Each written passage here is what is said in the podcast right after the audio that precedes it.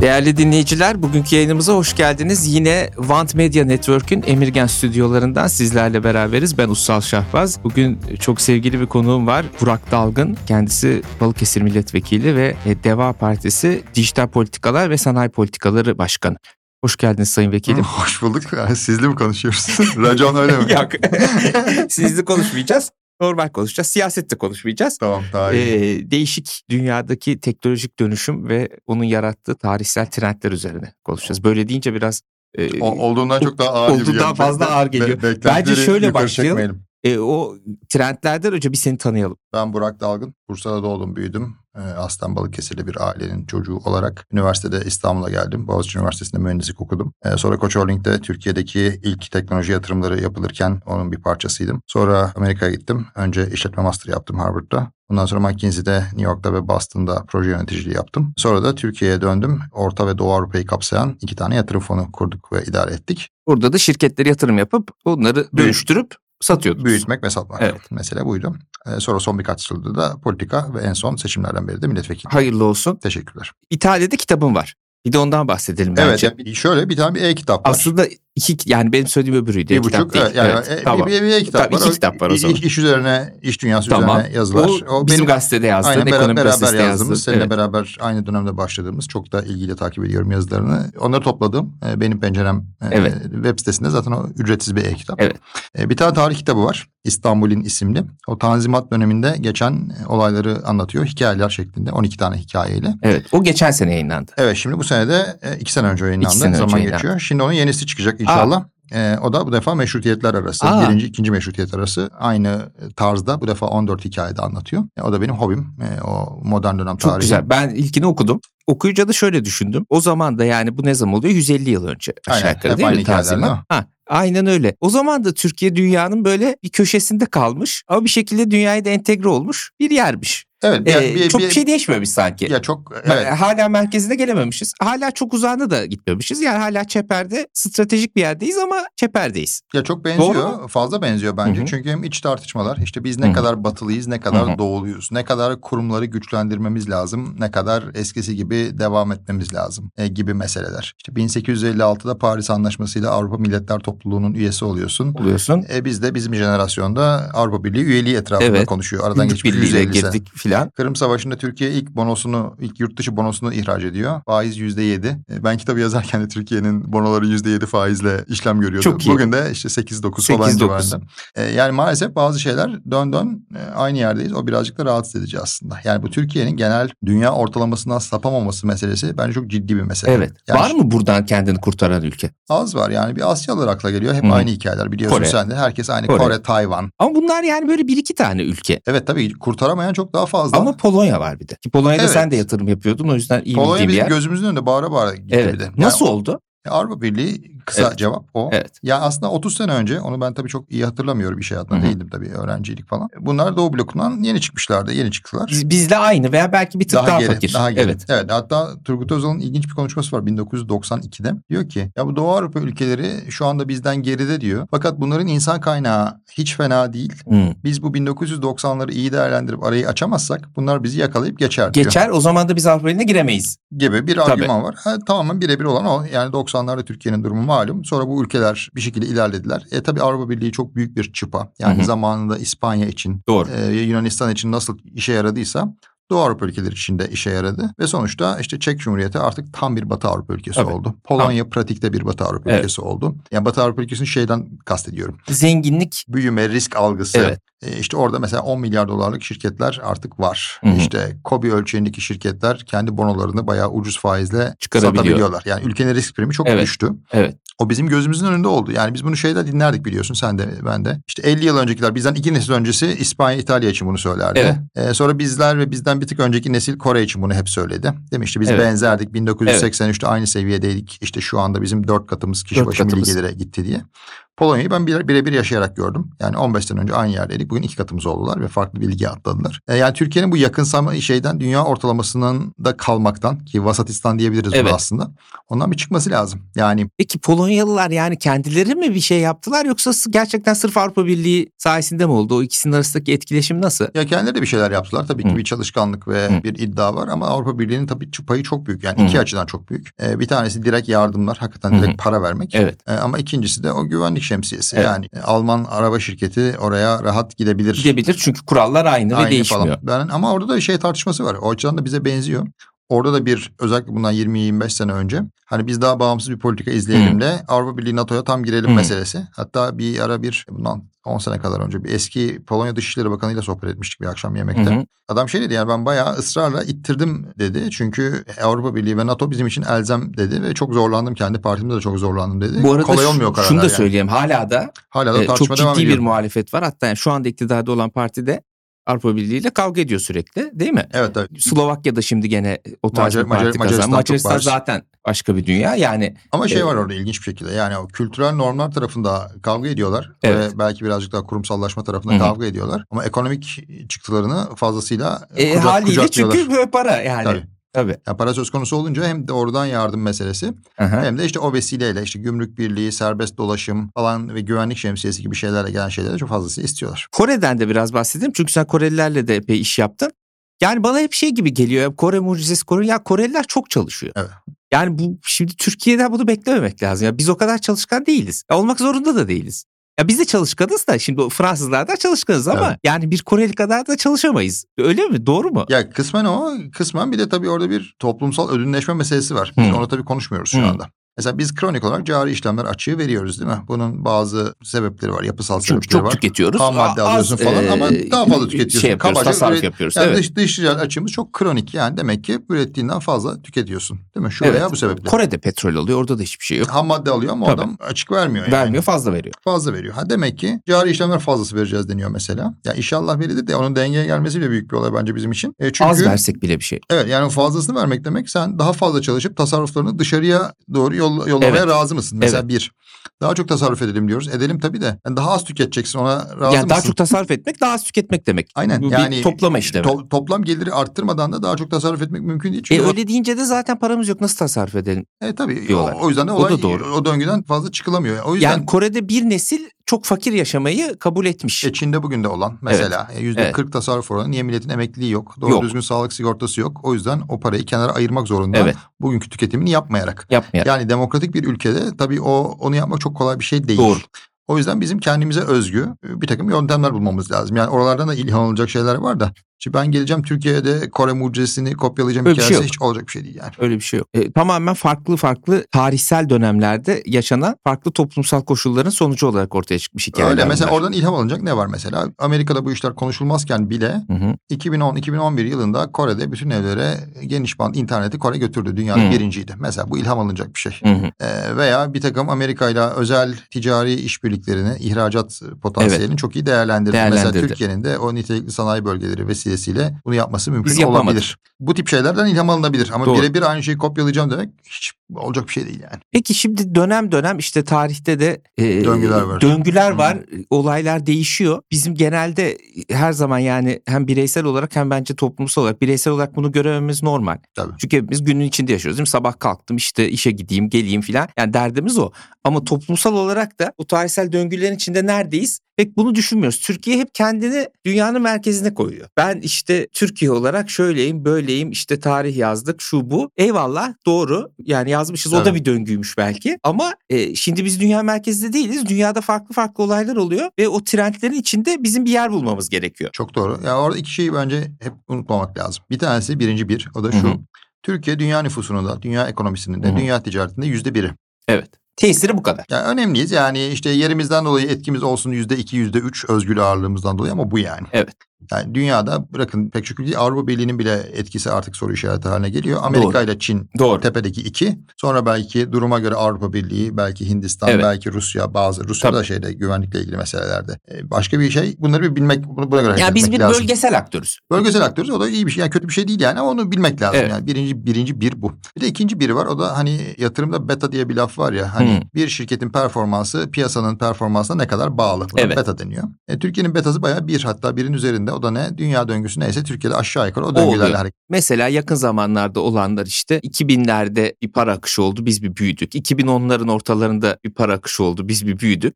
Bir dünya su döngüsüyle de küçülüyoruz. Kaba- kabaca Evet. be- kabaca beraber gidiyorsun yani. Onu unutmamak lazım. Ha demek ki senin dediğin çok doğru. Yani bir dalga var, dalgalar veyahut da dalgalar var. Dalgaların üstünde sörf etmek lazım. Evet. İnsan hayatı için bu çok kolay değil. Yani onu yakalamak vesaire hem günlük hayat gailesinden kolay değil. Hem de insan ömrü çok kısa. Tabii. Yani diyelim ortalama ömrü ne kadar? 80 sene. Bunun 20-25 senesi zaten okulda geçiyor. Son 10 senesi de emeklilik geçiyor. 50 yıllık bir aktif 50, hayat var diyelim. 50 yılda kaç tane döngü var 50 zaten? yılda 3 tane 4 tane döngü, Döngü ya var, var. ya yok. Tabii. da bu göreceksin de yakalayacaksın da bilmem ne yapacaksın da çok kolay bir şey değil. Ülkeler milletler için tabii birazcık daha farklı. Yani Doğru. süper döngü desem belki bir belki iki tane süper döngüye sığacak. Onlar Doğru. daha uzun sürüyor çünkü nesilsel döngüler. Şimdi gelelim biz ne görüyoruz? ya bizim kendi hayat dönemimizde işte diyelim şu anki 40'lı yaşlardaki insanlar için. Ya biz bir tane süper döngünün bir tane de en azından büyük döngünün içinde bulunduk. Ne o da ne? Ben çocukken okulun haritasında ilkokuldayken haritada bizim komşumuz Sovyet Sosyalist. Cumhuriyetler Birliği SSCB dedim bizim komşumuz. Evet. E, SSCB yıkıldı, Berlin duvarı çöktü, Doğu bloku dağıldı. Bunların bir kısmı Avrupa Birliği'ne ve NATO'ya entegre oldular. Ve 1990'ların başından itibaren çok büyük bir küreselleşme dalgası başladı. Başladı. Eş zamanlı olarak onu bi- tabii biz bilemiyorduk ama yetişkinlik yıllarımızda anladık ne olduğunu. Eş zamanlı olarak bir de Çin dünya Evet, sistemine enteg- entegre ent- oldu. entegre oldu. Yani muazzam bir nüfus hem coğrafi kapasite olarak hem ekonomik ve nüfus kapasitesi olarak dünyaya entegre oldu. Bunun getirdiği birkaç tane de şey oldu. Uluslararası ticaret yukarı doğru gitti. Dolayısıyla mallar genel Ucuzladı. ucuzlamaya başladı. Ee, Bir bolluk oldu yani. sav- aynen. Savunma sanayi harcamaları azaldı. Azaldı. Şu barış temettüsü denen yani şirketler Evet. nasıl para biriktiriyor temettü veriyorlar. O barış temettüsü başka yerlere gitti. Bununla bir genel bir refah dönemi oluştu. Ondan sonra şimdi peyderpey o döngünün aşağı yukarı bitmekte olduğunu görüyoruz. Görüyoruz. Yaklaşık bizim seninle tahminimiz 2015'ten beri Evet. bu işlerin tersine döndüğü aşağı ya belki daha önce dönmeye başlamıştı ama 2015'ten beri hissedilir, bir şekilde döndüğünü deglo- görüyoruz. deglobalizasyon yani globalleşmenin yavaşladığı ve belki hatta geri doğru gitmeye başladı. Ve, ve her anlamda yani işte bu sabahki Evet, İsrail'deki evet. haberler e, yukarıda Ukrayna Rusya arasındaki mesele e, Suriye'de son 10 yıldır devam eden meseleler Olaylar. işte Kafkasya'daki sürekli işte Gürcistan'da Apazya'da Azerbaycan Evet, e, Ermenistan Ermenistan. tarafında olanlar yani sürekli bir 10-15 senedir bir bir şey var, bir Kavga, sıkıntı var, bir var, kaşıntı, bir kavga gürültü var. Şimdi bunu bir de Amerika Çin arasında çok Ekonomik büyük korumacılık bir geliyor. Ya aslında birazcık fiyatlarla ilgili mesela beni düşündürüyor. Hmm. Bu birazcık hani enflasyon lafını hep konuşuyoruz. Bizim kendimize özgü durumlarımız var ama Evet. ayrı tutuyorum da. Yapısal olarak enflasyonu düşününce mesela dünyada korumacılık artıyor mu? Artıyor. Bu ne demek? Fiyatlar yukarı gidecek demek. doğru.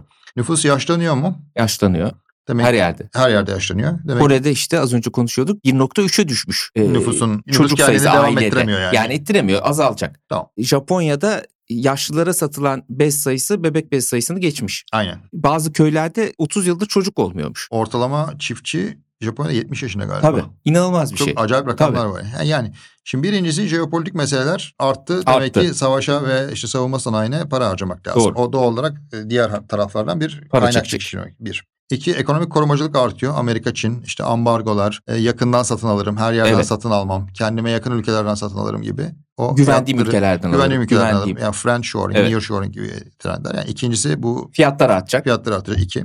Üç demografi. Evet. Fiyatları arttıracak. Doğru. E, dört iklimle ilgili kaygılar Doğru. muhtemelen fiyatları, Fiyatlar artacak. arttıracak. Çünkü daha yeni teknolojilerle üretmen gerekecek. Aynı ürünleri daha az çevreyi kirleterek bu maliyet demek. E, ya da diyeceksin Bunu ki bu arada kimse düşünmüyor. Yani çok az bununla ilgili tartışma var. Yani evet yeşil e, dönüşüm olacak ama bunun bir mali etkisi var herkesin üzerinde. Onu kim nasıl ödeyecek? İşte onda gelişmiş ülkelerin ödemesi lazım Evet. aslında. Çünkü Ama kirleten, bu da tartışılmayan ki- bir konu ki- da bir kirleten, tabu. kirleten onlar. Tabii. Yani sen kirletip zenginleşiyorsun. Ondan sonra onun maliyetini gelişmekte olanlara yıkıyorsun. O Yıkıyorsun, adil evet. bir şey değil.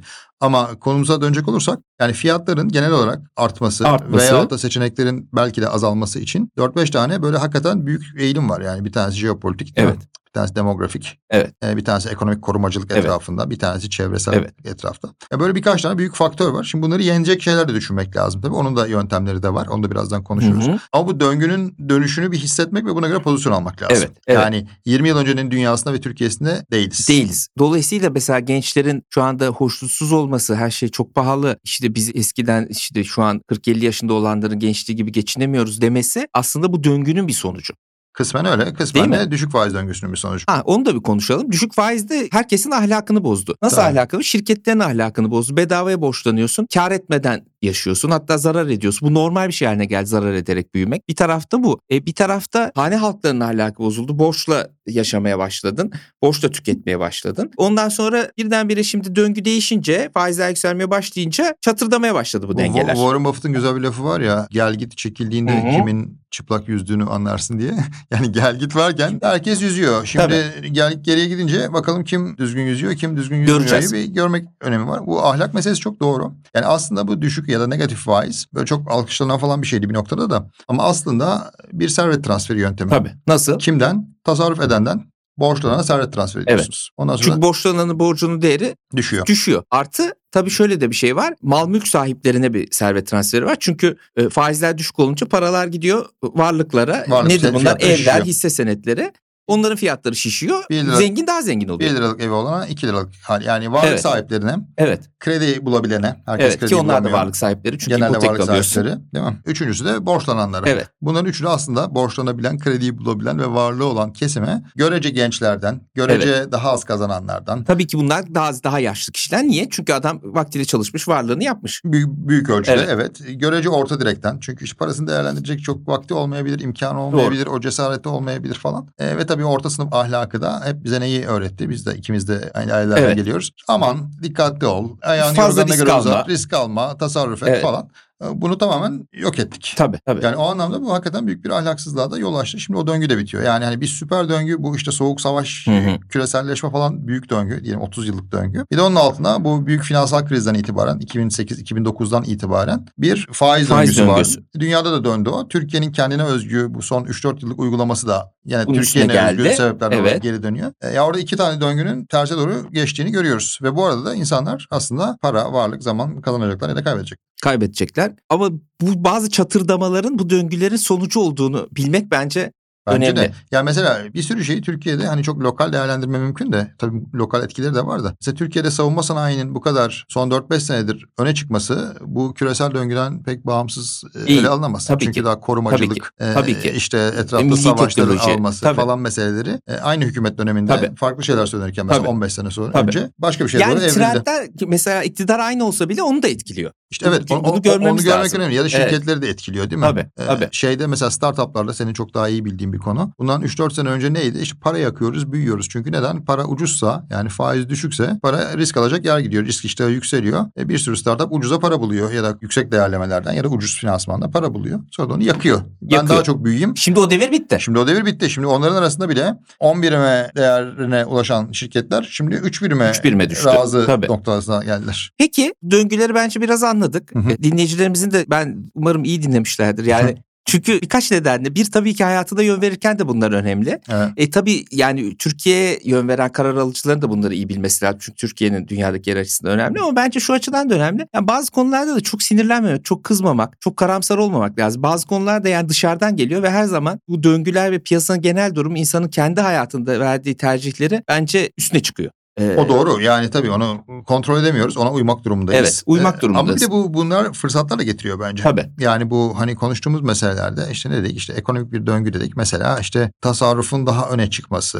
Hı hı. işte kar odaklılık, nakit akımını kontrol etmek, Hı hı. şirketler açısından söylüyorum Hı hı, örnek hı hı. olarak. Mesela bu enteresan bir şey. Lojistik dedik. Lojistik döngü neyi getiriyor? Eskiden en ucuz üretim Çin'de ise Alman bir firma Çin'den Çin'e alıyordu. gidiyordu. Şimdi ne diyor?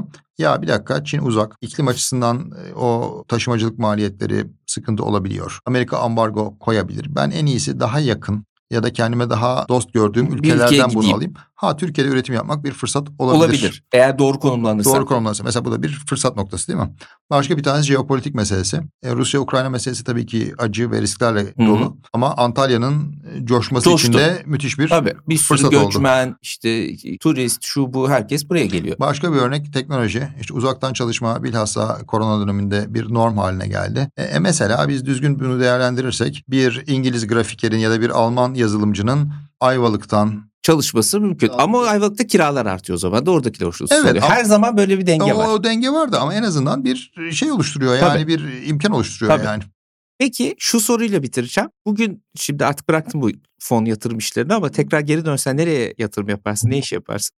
Valla orada da biz birkaç döngü gördük. Ben fonu ilk kurduğumda 2008 yıllarından sonra birinci döngü Türkiye'deki iç talep etrafındaki şirketlere Evet. yatırım yaptık ve O- isimleri sen de biliyorsun. Evet iyi bir Marka, döngüydü. markalı perakende işlerine yatırım yaptık. Sonra yavaş yavaş sanayi şirketlerine kaydık döngü 5-6 O sene da iyi bir sonra. O da ikinci, ikinci büyük döngü oydu. İhracat odaklı sanayiler. Bence o sanayi işlerine devam etmekte yarar var diye düşünüyorum. Öyle mi diyorsun? E, bence o ilginç ya bu şeyden bilhassa teknolojiyi düzgün kullanabilen, Hı bu. Endüstri 4.0 kullanabilen, Hı hı. bu çevre meselelerine ya direkt yararlanan yenilenebilir enerji Evet. üretmek gibi ya da evet. Da uyum ya sağlayan. da uyum sağlayabilen Evet. işleri kurmak bence enteresan. Bir de Avrupa'ya ihracat her zaman Türkiye açısından tabii önemli bir şey olmaya devam edecek. Yani Evet o iş bitmeyecek değil mi? Yani Avrupa pazarı duraklayabilir, küçülebilir ama, ama, çok büyük dünya sonuçta o kadar büyük bir pazar dü- ki bizim dünya- için. dü- Dünyanın en büyük ekonomisinin yanında oturuyor. Biraz da Meksika'ya benziyoruz o açıdan değil mi? evet, tabii. Amerika, Meksika, Meksika, ilişkisi. Türkiye, Avrupa Evet. meselesi. Evet. E, bence o işler ilginç. Onun dışında da şey bu hizmetler sektörü tabii benim çok ilgimi çekiyor. Hı hı. E, Orası ilgili bir, bir tane büyük soru işareti.